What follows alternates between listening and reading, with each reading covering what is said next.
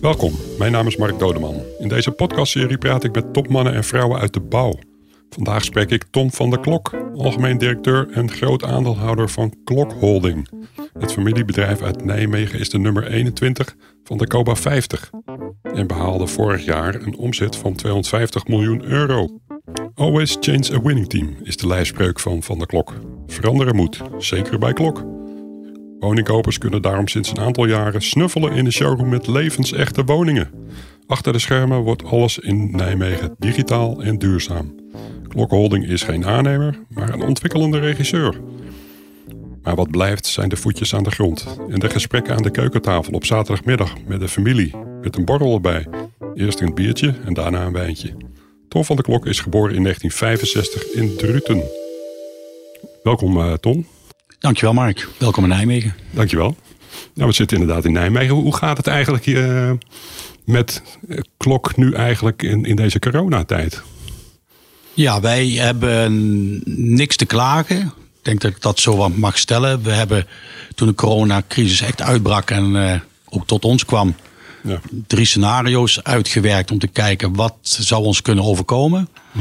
En vanuit die scenario's acteren wij nou ook uh, ook naar onze projecten toe, naar de organisatie toe.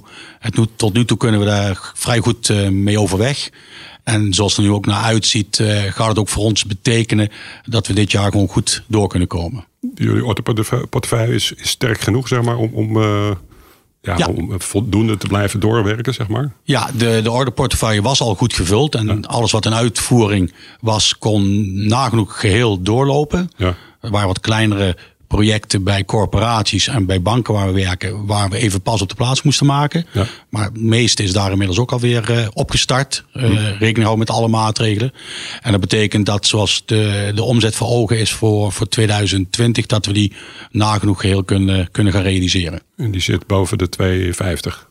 Hij zal er daar ongeveer weer, uh, weer uit gaan komen. Okay, daar dan, zit hij in de planning in ieder geval. Dan, dan zijn jullie tevreden, want jullie gingen langzamerhand richting de 300. En, en dat is nu een pasje op de plaats. Uh, ja, dat is een pasje op de plaats. Dat ja. is niet alleen vanwege de, de corona, hm. maar ook omdat wij steeds meer projecten, je gaf het al even aan, als, als een soort regisseur, uh, regisseur ja. aanpakken. Ja. betekent dat wij, als wij het plan helemaal klaar hebben, gereed hebben, dat wij het verkocht hebben, de, de hele realisatie en dat gebeurt zeker bij Novorm in Eindhoven, door een externe aannemer laten geschieden. Ja. En dat betekent ook dat die omzet dan ook van de aanneemsom bij die eh, betreffende aannemer terechtkomt. Oké, okay, ja.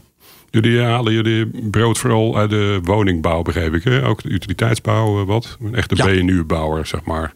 En, ja. en zitten zit jullie uh, vooral in deze regio? Of, of, of, volgens mij zitten jullie wel in een groot deel van het land, hè? Nou, wij zeggen altijd dat we acteren in, uh, in groot Midden-Nederland. Ja. Dus als je kijkt naar, naar Groningen, Friesland, dan komen we niet, ja. kan ik wel zeggen, we komen niet in Limburg. De rest van Nederland komen we echt wel.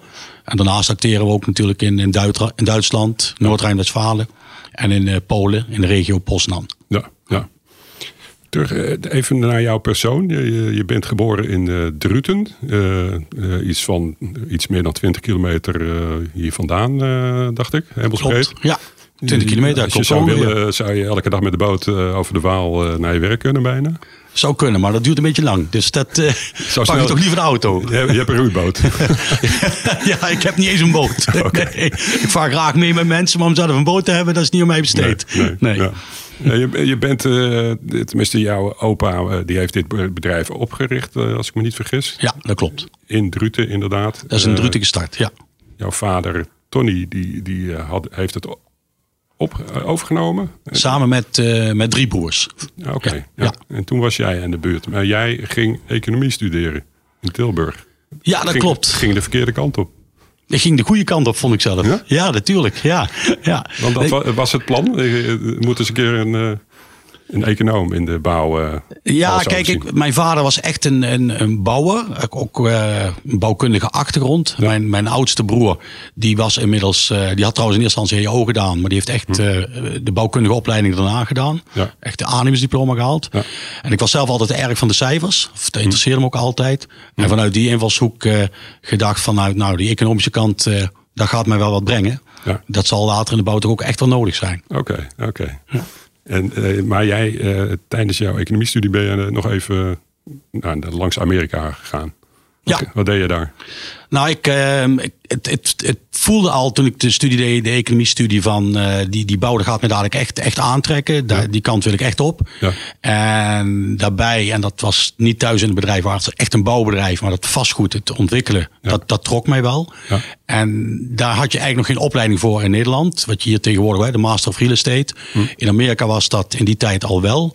En toen heb ik me aangemeld voor een, een uitwisselingsprogramma hm. met een uh, Indiana University. En uh, dat betekent dat ik een van de uitverkorenen was. Uh, op een of andere manier had ik toch indruk gemaakt. Ik snap nog niet hoe. Maar ik mocht die kant op voor een half jaar. En daar heb ik een, een aantal ja, deelopleidingen gedaan van de Master of Real Estate.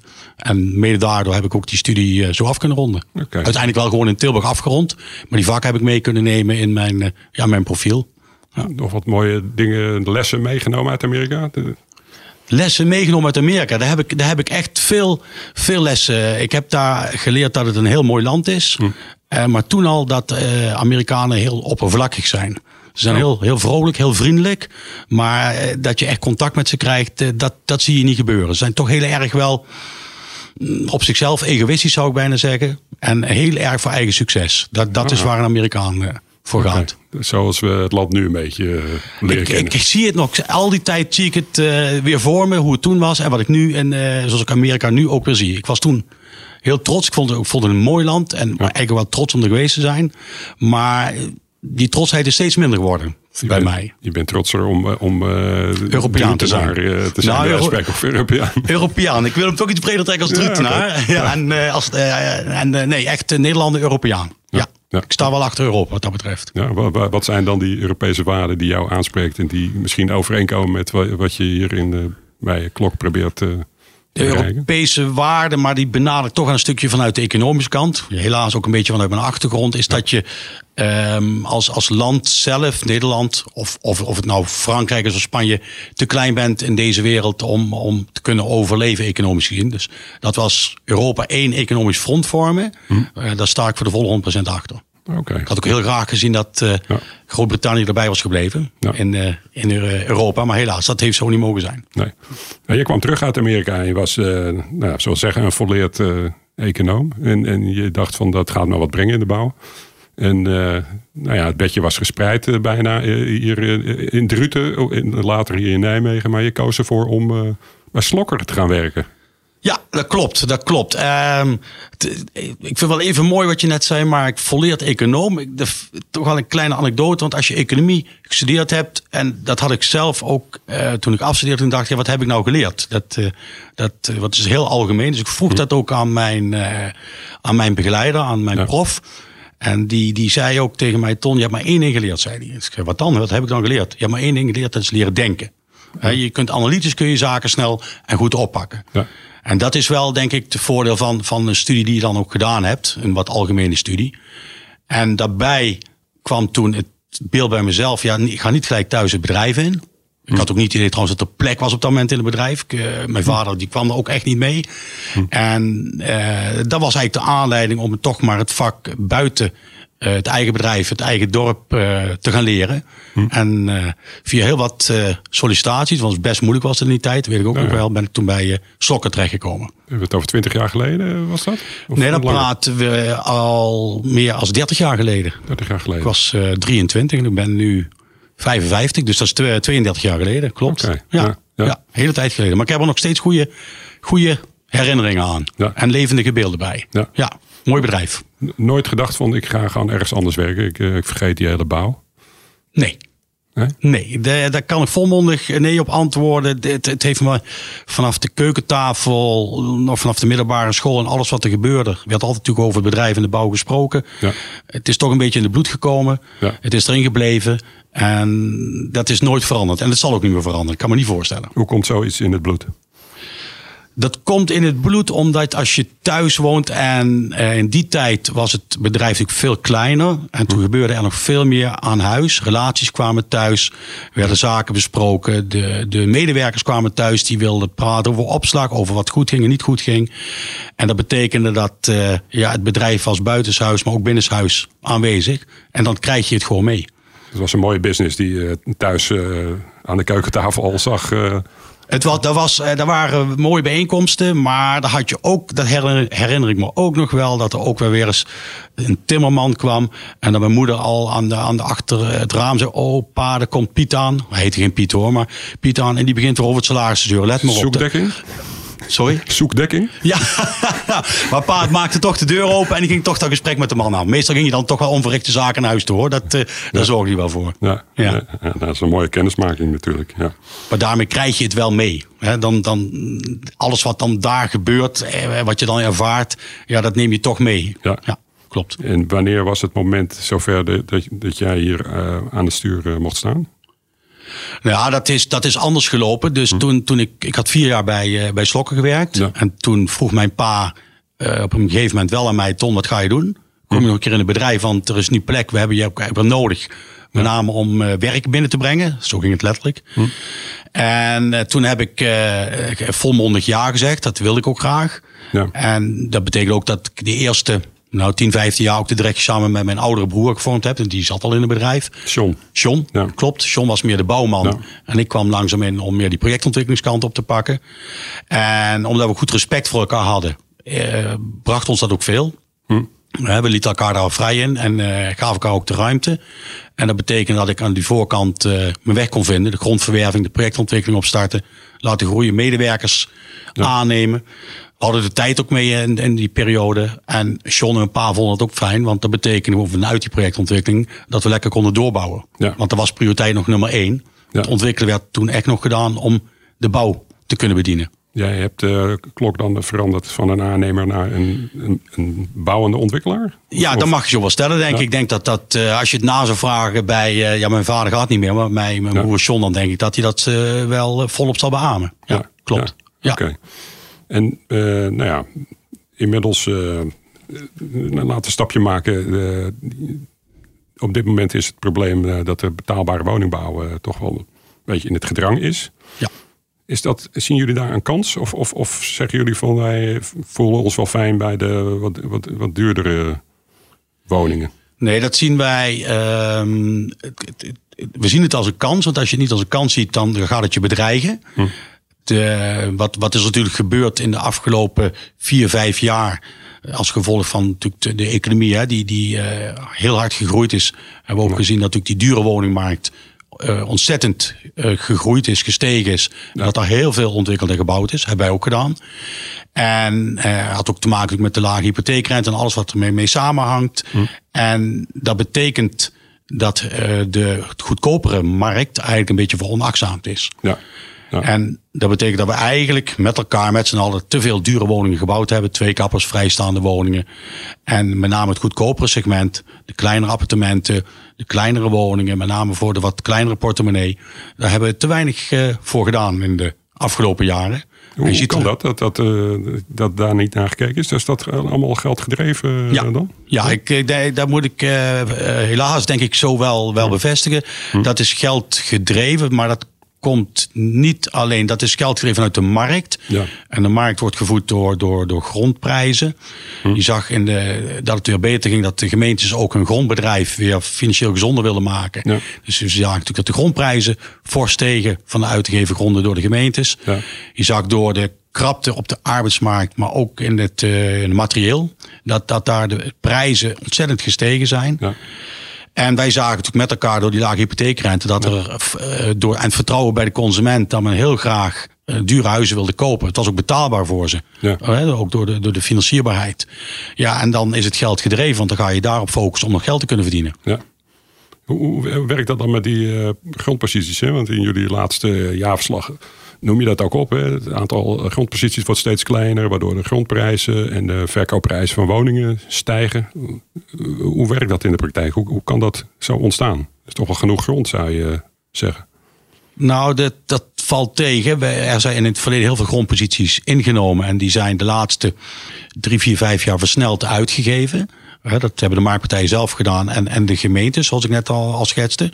Hm. En er is nu nog steeds een enorme behoefte aan woningen. Dat, dat weten we. Er worden eh, over tekort gesproken van 3, 4, 500.000 woningen ja. uh, die er zijn. En de opgave is dan gezegd, dat gaan we proberen binnenstedelijk uh, op te lossen. Maar dat is een nou, voor een deel in ieder geval utopie. Je zult ook aan, aan de randen van de dorpen en de steden ook de, de uitbreiding moeten realiseren om aan die behoeften te kunnen voldoen. En dat betekent dat daar de nieuwe grondposities uh, gezocht wordt en ook gekocht worden. En er zijn natuurlijk veel kapers op de kust. En dat betekent, dat zien we nu alweer, net zoals in de uh, vorige crisis daarvoor, 2006, 2007, mm. dat die grondprijzen, wervingsprijzen weer een beetje de pannen aan het uitreizen zijn. Ja. En dat is natuurlijk weer een gevaar. En zeker voor, voor de goedkopere woning om die realiseerbaar te maken. Ja. ja. Wat is er aan te doen? Ja, wat er aan te doen is, zou je zeggen, alle marktpartijen met elkaar wezen verstandig en ga nou niet als, als gekke grond kopen eh, tegen, tegen hele dure prijzen. Maar dat is natuurlijk eh, van het markt... marktaandeel. Eh, dus dat gaat niet, hè? Daar, daar moeten we allemaal een stukje in mee. Dus, en dat klinkt raar van, en, om dat uit de mond van de marktpartij te horen. Maar wij pleiten wel voor dat de overheid daar toch weer meer de regie in gaat nemen. En meer sturend en op, gaat optreden en kan optreden. Om, om die, die grondposities, ja, dat die gereguleerd, maar ook tegen normale prijzen gekocht kan worden. Uh, en dat kan dus ook betekenen dat de gemeentes weer meer macht moeten hebben om die posities, die grondposities te kunnen kopen. Zoals het in het verre verleden ook gebeurde. En, en de overheid, zeg je, die moet dat doen. Heb je het over de provincies of de Rijksoverheid? Of, of ja, je hebt dat, dat kun je. Uh, de, de overheid heeft een instrument. Dat, dat heet de, eh, de, de wet voorkeursrecht gemeente. Ja. En dat betekent dat als iemand zijn grond wil verkopen uh, in een gebied waar, waar potentieel woningbouw komt. En als die WVG daarop ligt, uh, die wet is uitgesproken over die grond. Dat die koper, of sorry, die, die, die verkoper, die eigenaar van die grond, als eerste aan de gemeente moet aanbieden. Hm. En daarmee heeft de gemeente ook een instrument om dan proberen dat wat meer gereguleerd en wat meer tegen normale uh, prijzen die grond in eigendom te krijgen. Ja. En, en je kunt natuurlijk op provinciaal niveau kun je natuurlijk ook afspraken maken met gemeentes om proberen voor de markt uit uh, al te kijken dat ze grondposities uh, kunnen gaan verwerven. Ja, maar die wet is er. Eh, wordt die dan niet eh, goed gebruikt? Nee, die, het, het probleem zit hem daarin dat in eh, de vorige periode voor de crisis hebben de gemeenten zelf ook heel veel grond verworven, ook hm. duur verworven. En toen weten we wat er gebeurd is. Als gevolg van de crisis kwamen al die grondbedrijven in de problemen. En nu zie je dat heel veel gemeentes wat drie keer nadenken. voordat ze opnieuw weer op die markt zich begeven om die gronden in te kopen. Ja. En mijn pleidooi is, kijk toch dat dat verantwoord gaat gebeuren. Of in overleg met marktpartijen. Maar dat het niet een gekte is die er nu weer dreigt te ontstaan. Waardoor die grondprijs weer veel, eh, veel te hoog is. En de overheid dus ook weer afhankelijk is van die partijen. Waaronder wij zelf zijn, ook dan natuurlijk. Hè? Ja. Zijn er nog andere oplossingen om die uh, grondkosten omlaag te krijgen? Of in ieder geval uiteindelijk die verkoopprijzen uh, een beetje normaal, op normaal niveau te krijgen?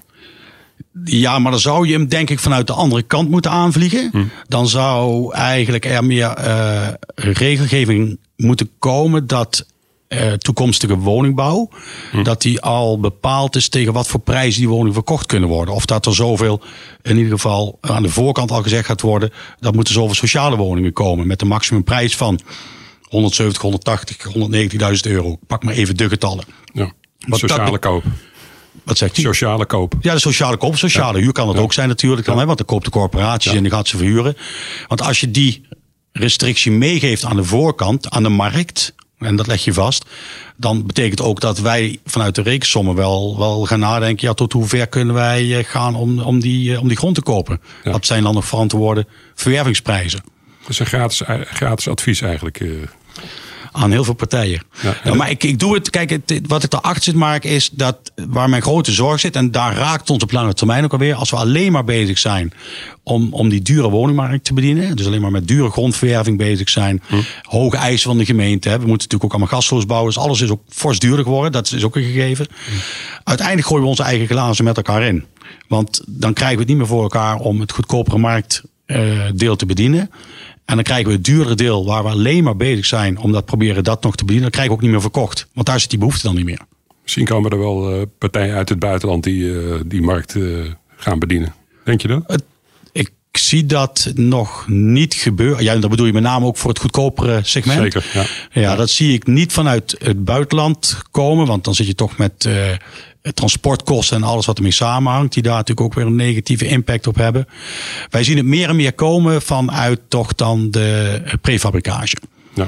En, en dan prefabricage vanuit uh, fabrieken in Nederland, waar wij ook weer mee samenwerken, collega's van ons ook, om daar proberen sneller, goedkoper met minder faalkosten effectiever te kunnen bouwen. En dat zijn met name hele goede producten, zoals wij dat zien, om in dat goedkope segment te kunnen realiseren. Always Change Winning Team. Jullie zitten er dus ook naar te kijken. Dus nou, sterker nog, we, we hebben de eerste conceptwoningen al. Uh, ja. ja. en vanuit prefabricage, die hebben we al klaarstaan. We hebben hier bijvoorbeeld die buitenbolsterrein ook twee demo-woningen staan. Hm. Waar we corporaties mee naartoe nemen. En de planning zit er nu in dat we in Q3, Q4. dus ook de eerste woningen daadwerkelijk uh, in, uh, voor een paar corporaties gaan realiseren. Verkoopprijs? En die zitten dan afhankelijk van weer wat de grondprijs is. Want wij kunnen ze aanbieden all-in, stichtingskosten. Zitten die verkoopprijzen ergens tussen de 165, 170 en 190.000 euro. Oké, dat is al uh, minder dan gemiddeld, uh, toch? Ja, want als je een traditionele rijwoning zou bouwen, dan bouw je echt, echt niks meer onder de 200.000 euro. Dat gaat je echt niet lukken. Ja. En met deze woningen, met deze prijzen, dan kunnen de corporaties ook weer verantwoord sociaal gaan verhuren. Ja. Jullie verandering nadat, uh, nou ja, zoals zeggen, na een ander type bouwer dat jullie geworden zijn, begon al een beetje in het begin van de crisis? Die hebben toen een omslag gemaakt waarbij jullie gedacht hebben, we gaan anders. Uh, ja. We gaan bijvoorbeeld niet meer met eigen mensen op de bouwplaats, begrijp ik. Nee. En jullie werken nu gewoon standaard of, of bijna altijd met co-makers en, en zoveel mogelijk vaste opdrachtgevers. Kun je daar wat over vertellen? Ja, wij hebben, we praten over de vorige crisis. Toen uh, 2008, 2009, toen die uh, uitbrak hè, en de woningmarkt tot stilstand uh, kwam. Toen hadden wij wel toch snel het beeld van dit is niet iets wat, wat gaat overwaaien. Dit, dit gaat ons voorlopig wel echt raken en in de greep houden. Hm. En toen hebben we ook nagedacht met het directieteam ook, wat zijn we nou voor een partij, hoe willen we hier straks sterker uitkomen. En toen hebben we ook gezegd, waar zijn we nou echt goed in? En, en wij echt goed hebben gezegd, zijn we in, in planontwikkeling. En, en goed kijken in de markt waar behoefte is en hoe we dat kunnen brengen. En waar zijn we wat minder in, dat is het traditionele bouwen. Dat deden we toen nog vrij veel. En toen hebben we ook gezegd, als we nou het echte bouwen, het handjeswerk bij goede partijen neerleggen. Dan zijn ook wat mensen van ons naartoe gegaan. En dat worden onze vaste partners. Dan kunnen zij daar weer beter in worden. Ja. Dan worden wij weer beter waar wij goed in zijn. En dan, als je elkaar dan goed vasthoudt, dat betekent op die manier dat je de markt uh, anders en beter kunt gaan bedienen. Dus dat is eigenlijk, ze hebben toen een omslag gemaakt meer van ontwikkelende bouwer naar een soort regisserende, regisserende ontwikkelaar. Is dat niet uh, gevaarlijk als, op het moment dat die arbeidsmarkt een beetje krap uh, wordt? Dat je dan toch uh, ja, morrende mensen krijgt, net als vroeger bij vader, dat, dat de mensen aan de keukentafel toch wel even wat opslag willen hebben. Ja, maar dan, dan morrelen ze dus wel bij onze co-maker want daar zitten dan de mensen die dan, uh, waar dan de krapte ontstaat. En wij hebben natuurlijk met onze co-makers langdurige afspraken gemaakt. En dat is in ons belang, maar ook in hun belang. Hoe lang is dat? Dat, zijn minimaal driejarige contracten. Dus het is geen projectcontract, maar projectoverstijgende contracten. En dan leggen jullie ook al prijzen vast? Of in ja, prijzen, eenheidsprijzen. Ja. Uh, wordt af en toe de opmaakconformiteit moet je er kunnen toetsen. Ja. Maar dan zie je wel, als je daar open fair met de goede mensen daarmee uh, in de wedstrijd zit, dat dat, dat, dat, dat heel goed loopt. Je leert elkaar ook beter kennen. Ja. Je leert elkaar ook waarderen. Je gaat ook elkaar helpen om elkaar sterker te, te worden. Want je hebt er gezamenlijk belang bij. Ja, maar na afloop van die drie jaar wordt het weer spannend van uh, wat, die, wat die prijzen dan gaan worden. Of, of... Dat zal om de drie jaar, daar ben ik niet direct bij betrokken. Maar om de drie jaar wordt dat geëvalueerd. En dan vindt er een, een, een ja, een indexatie plaats. Of in ieder geval een, een aanpassing plaats. Maar ik moet een beetje eh, napraten van de organisatie. Maar tot nu toe eh, weet ik dat heel veel co-makers die we toen in het begin 2010, 2011 aan ons gecommitteerd hebben, nog steeds onze partijen zijn. Ja, ja. Dat is de vierde generatie uh, is bij jullie al bijna aan het sturen. Tenminste, je hebt plannen, je wil over een jaar of tien uit het bedrijf misschien zijn. En, en dan hoop je eigenlijk dat de, jouw uh, neven, nichten, uh, kinderen, je hebt vijf kinderen begreep ik. Ja. Uh, een deel van die kinderen, of misschien alle kinderen, een bepaalde rol misschien in het bedrijf hebben. Nou, ik hoop niet alle kinderen. Nee, want ze, ze, ze, vinden de bouw niet allemaal even leuk. Nou, ze vinden het wel leuk hoor, want er wordt thuis al veel over besproken. Maar ik heb bijvoorbeeld één dochter die is echt uh, vanuit de verpleging en dat vindt ze helemaal geweldig. Ja. Als voorbeeld even. Dus, uh, dus die, die zal echt niet in het, uh, in het bedrijf terechtkomen. Ja. Maar die vierde, vierde generatie is wel um, een, een, een doelstelling, een belangrijke doelstelling voor ons. Ja. Dus ook wat ik destijds afgesproken heb met mijn broers toen ik de aandelen van ze overgenomen heb. Uh, om te kijken dat we de, ons ja, in ieder geval maximaal inspannen om het bedrijf naar de volgende generatie te brengen. En dan kunnen inderdaad ook de neef of te zijn. Maar uh, ik heb dus, inclusief mijn eigen kinderen, zijn er, zijn er 18. Dus dat is een, hele, een heleboel. En uh, die gaan er echt niet allemaal in het bedrijf komen. We hebben ook wel een vrij strak protocol op zitten. Wie kan en wil en hoe dat dan gaat. Ja, niet iedereen mag. Nee, niet iedereen mag en niet iedereen kan. Ja. Nee, nee, klopt. Je, je, moet wel een bepaald talent voor hebben om, om in de. Ja, ja. Je, je, moet iets met de bouw hebben en, en, en ja, je moet, in, je moet gevoel met de bouw hebben. Je moet er interesse in hebben. Je, je moet toch, ja, heel, gezien de grootte van het bedrijf, toch een bepaald uh, eh, IQ hebben. Maar je moet ook een EQ hebben, zeggen wij. Sociaal moet je ook een bepaalde kracht hebben, sterk zijn. Anders, anders is het, uh, worden mijn kinderen of neven nichten ongelukkig en het bedrijf ongelukkig, denk ik. Ja, ja. Dat zit een beetje in het DNA, uh, begrijp ik. vrij sociaal zijn, iedereen toch bijna bij naam kennen. Ja, ja, als je bedoelt in een bedrijf, ja, ja, dan, dan denk ik dat ik toch nog wel best veel nieuwe mensen ook binnen bedrijf weer gekomen de laatste jaren. Maar dat ik toch wel zeker, nou 90, 95 procent van de mensen uh, wel ken. Ik voer ook met iedereen die nieuw in het bedrijf komt na een paar maanden gewoon een, uh, gewoon een gesprekje van een half uur, een uur. Om eens mhm. gewoon eens uh, sociaal te praten van, joh, vertel eens, wat doe je? Wie ben je? Waarom? Mogen ze mij ook alles vragen? Ja, ja. Probeer ik ook als eerlijk mogelijk antwoord te geven. Dus, Maar dat is wel goed inderdaad om ja, een soort sociale binding ook te krijgen. Met je mensen en de mensen met het bedrijf. Ja. Begrijp ik nou ook goed dat jij s ochtends hier laat ik zeggen, bij de receptie staat en dan kijkt van waar is een werkplek vrij en uh, daar ga ik zitten? Of, of is dat uh, een periode zo geweest? Je hebt niet een vaste plek. Ik heb geen vaste plek. Daar heb ik, uh, toen wij gekozen hebben drie jaar geleden om van een gesloten kantoor naar een open kantoor te gaan, hè, waar we hier nu zitten. En was ook de doelstelling voor in ieder om echt flex plekken te krijgen. Hè? Dus niemand de vaste plek. We hebben ook geen echte kantoren meer. Alles is open. En toen wist ik ook voor mezelf dat ik het voorbeeld moest geven. En met mij ook mijn directieleden. In het begin heb ik er even moeite mee gehad. Maar na drie, vier weken is het heel gewoon geworden. En ben ik ook heel blij dat ik het ook zo gedaan heb en nog steeds doe. Dus ik, uh, ik zit altijd wisselend overal uh, verschillend in het kantoor. Je gaat expres steeds op een andere plek zitten om toch een beetje contact met iedereen uh, te het, houden. Het is, het is vanuit de sociale kant doe je dat, ook als voorbeeldfunctie doe je het.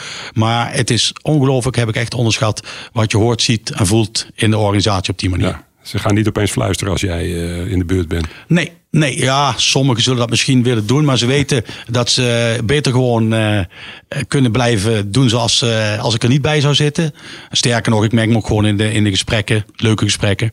Waar ik wel altijd voor moet waken is als er een, een wat verkeerde discussie tussen een paar mensen ontstaat, om me dan niet mee te gaan bemoeien. Dat ik dan het moet laten lopen zoals het loopt. Okay. En op een andere, ander niveau ergens een keer terug uh, moet zien te koppelen. Dan van, moeten we niet iets meer doen. Halen. ja, dat, ja, bijvoorbeeld. Dat kan ook nog zijn, ja. ja. ja, ja. Nou, even terug naar die grondposities. Hè. Jullie uh, uh, hebben veel posities. Jullie kunnen voorlopig wel even doorbouwen. Hè. Dus waar we het net over hadden, die dure grondposities, die, die doen jullie dan wat niet heel veel pijn, als ik het goed heb begrepen. Dat was in het begin van de crisis was dat toch wel anders. Toen hadden jullie nou ja, veel posities gekocht die, ja, die eigenlijk niet tot ontwikkeling kwamen. Daar moesten jullie nog wat miljoenen op afschrijven. En, Klopt. En, en, dat, daar hebben jullie een lesje geleerd. Daar hebben we ons lesje zeker geleerd, ja. Mark. Dat klopt. Het was, je had de waan van de periode ik noem 2005 tot 2008, dat iedereen maar grond wilde kopen. Eh, als je geen grond kocht, hoorde je er niet bij. Ja. Ook wij hebben in die eh, baan echt volop uh, meegedaan. Hm. Achteraf heb ik wel eens gezegd, uh, als we me toen ontoerekeningsvatbaar hadden kunnen verklaren, had dat ons uh, echt veel opgeleverd. Inderdaad, want het heeft echt vele miljoenen gekost. Ja. En um, dat betekende toen de crisis kwam, ja, dat dat pijn heeft gedaan. Dan moet je ook veel voorzieningen nemen, moet je veel op, op die grond ook afschrijven. Ja. gelukkig dat is altijd wel een van onze uh, ja, dagen binnen, de, binnen het familiebedrijf. Zorg dat je altijd goed liquide en solvabel blijft. Dus we konden de klap ook wel, uh, wel opvangen. Hm. Um, en dat betekent veel gronden afgeschreven. Nou ja, dan komt het ook in je resultaat en alles tot uitdrukking. Dan, toen hebben we ook veel gronden verkocht weer. Ja. De pijn genomen, geslikt en nog een keer geslikt. En dan ook echt zeggen weg ermee. Ja. En dan blijft het je ook niet achtervolgen.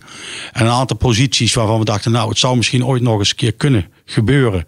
Die hebben we vastgehouden. En daar hebben we dan gelukkig wel weer een af en toe een goede keuze in gemaakt. Want die posities die zijn met name nu en de afgelopen jaren en de komende jaren vanuit de grote behoeften zijn die toch in beeld gekomen. Dus dat, dat brengt ons wel de gezonde productie die we, ja, die we op dit moment ook, uh, ook weer kennen. Dus dat die gronden hebben jaar, ruim tien jaar moeten wachten tot ze nu uh, echt uh, tot wasdom komen, zeg maar.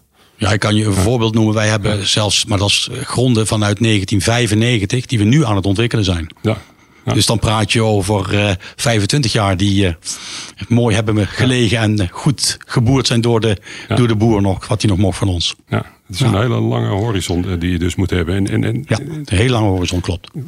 Voor een deel klinkt dat misschien dus ook een beetje als, als schokken dan. Hè? Dat het nu uh, voor de crisis dan misgegaan is. Dat, ja, kwam dat omdat de crisis uh, kwam en de woningbouw stil uh, lag? Of was het gewoon toch even iets, iets te hooghartig? Combinatie van de twee. Dus wat ik al straks uh, gekscherend zei van het ontoerekeningsvatbaar. Eigenlijk in die, in die waan van de dag hebben dingen gedaan die echt onverantwoord zijn geweest. Dus, dus laat dat ook gewoon gezegd zijn. Hè. Je wil er dan ja. bij horen. Als je niet koopt, dan, dan, dan, dan, dan ben je er niet bij. Um, aan de andere kant moet je nou, moet ze groot worden, is, wel, is het als noodzakelijk om die risico's te nemen. Want als je die posities niet inneemt, tenminste ja. zoals wij in de markt acteren, ja, dan gaan de anderen doen. Dan kom je toch buiten spel te staan. Ja. Wat we wel geleerd hebben, en zoals we nu de laatste drie, vier jaar weer de nieuwe posities uh, innemen, dat we die niet meer in één keer tegen hoge bedragen afnemen van de, de eigenaren, meestal boeren, maar dat doen op basis van koopontwikkelingsovereenkomsten. Dus dat je pas gaat betalen ja. als de bestemming uh, erop komt, of dat je een klein stukje aanbetaalt en het grootste deel nabetaalt als de bestemming erop komt. Ja, ja, dus dat, dat sturen we heel strak op. En wat we ook geleerd hebben is, uh, toen kochten we nogal eens een keer vijandig, zoals we dat noemen, zonder de gemeente daarin mee te nemen.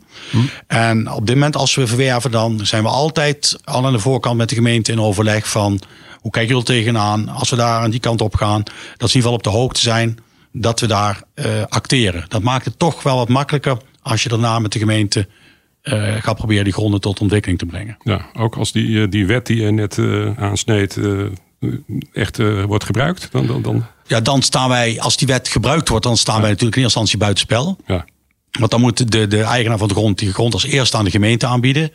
Maar als je in de gemeente goed acteert, goed bezig bent, de gemeente heeft toch marktpartijen nodig die die gronden dan gaan ontwikkelen. Ja. Maar dan heeft de gemeente meer positie om te zeggen: wacht even, er moet zoveel sociaal in, er moet zoveel middelduur in. En als je aan die voorwaarden kunt voldoen, dan kun je toch vaak weer met de eigenaar en de gemeente tot de afspraken komen. Maar dan heeft de gemeente wel meer de regie om tot, tot normale grondprijzen te komen. Ja, ja. Wie, is, wie is voor jou een mooi voorbeeld, een voorbeeldondernemer waarbij je, waarbij je een beetje tegenop kijkt? Misschien het hoeft geen eens in de bouw te zijn, maar waar je aan kan spiegelen. Uh, Oeh, daar overval je me een beetje. Dat is, dat is één. Um, ja, het is ook een Drutenaar, dat is Frans van Haren. Ja. Dat zal je misschien niks zeggen. Maar die is echt groot geworden in de, in de betonstenen. Hm. En wat ik daar zo knap van vind, dat is een, een autodidact. Dus die, die heeft de school, dat is hem allemaal niet geworden. Maar wel vanuit lef en, en, en durf en commercieel inzicht uh, van niks groot kunnen worden.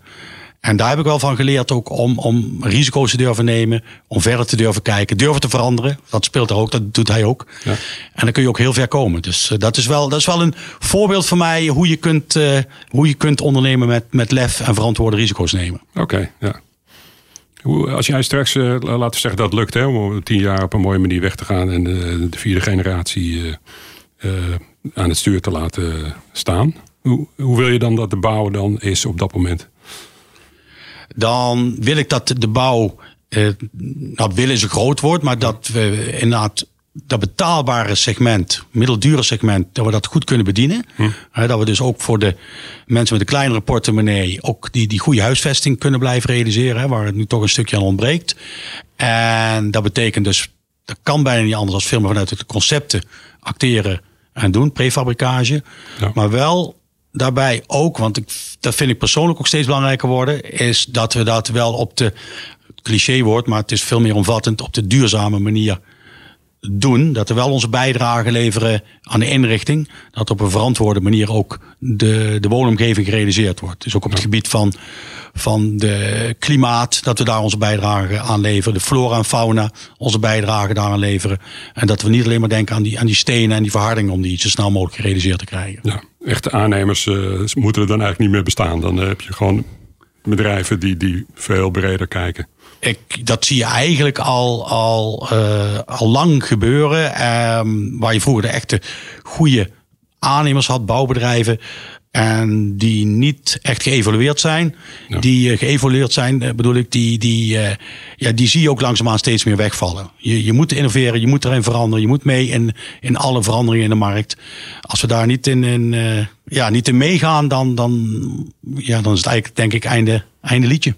Oké, ja, dat moeten we niet hebben. Daar gaan we niet voor, nee. nee. Nou, Tom van der Klok, bedankt uh, voor dit gesprek. Graag gedaan. Iedereen bedankt voor het luisteren naar deze podcast. Op koba.nl vind je nog veel meer informatie en verhalen over bouwondernemers.